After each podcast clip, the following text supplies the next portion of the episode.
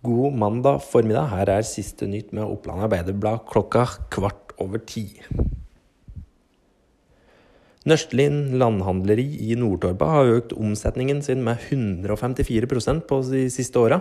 Det skyldes stor idealisme og trofaste kunder, skal vi tro bedriften sjøl. Lise Dahlbakk, som er daglig leder, sier til Oppland Arbeiderblad at hun tror bygdefolket ser at bedriften vil ta vare på dem, og at de derfor kommer tilbake gang etter gang. Bedriften er en av Nordre Lands gaseller for 2019, etter å ha levert en omsetning på 7,7 millioner kroner i 2018. De har hatt høyest økning i omsetning av alle bedriftene i Nordre Land de siste fire åra. Det var 16-åringen Seha Heirati som ble skadd under en fotballavslutning på Eina sist helg.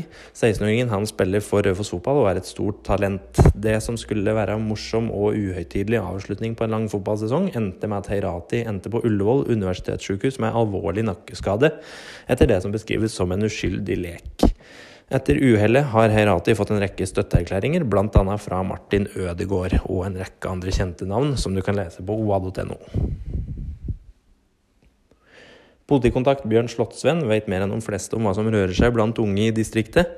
Minst én gang i uka et han lunsjen sin sammen med elever ved Raufoss videregående. Slik sett får både han og ungdommen en unik mulighet til å prate sammen. Vi har veldig lite lyst til å måtte se Bjørn i øya når vi har gjort noe galt, sier 16-åringen June Wold til Oppland Arbeiderblad. Mer om uh, Slottsvens møte med videregående-elevene kan du lese på våre nettsider. Klikk deg inn på oa.no for å alltid få ferske nyheter og ha en fortsatt fin mandag.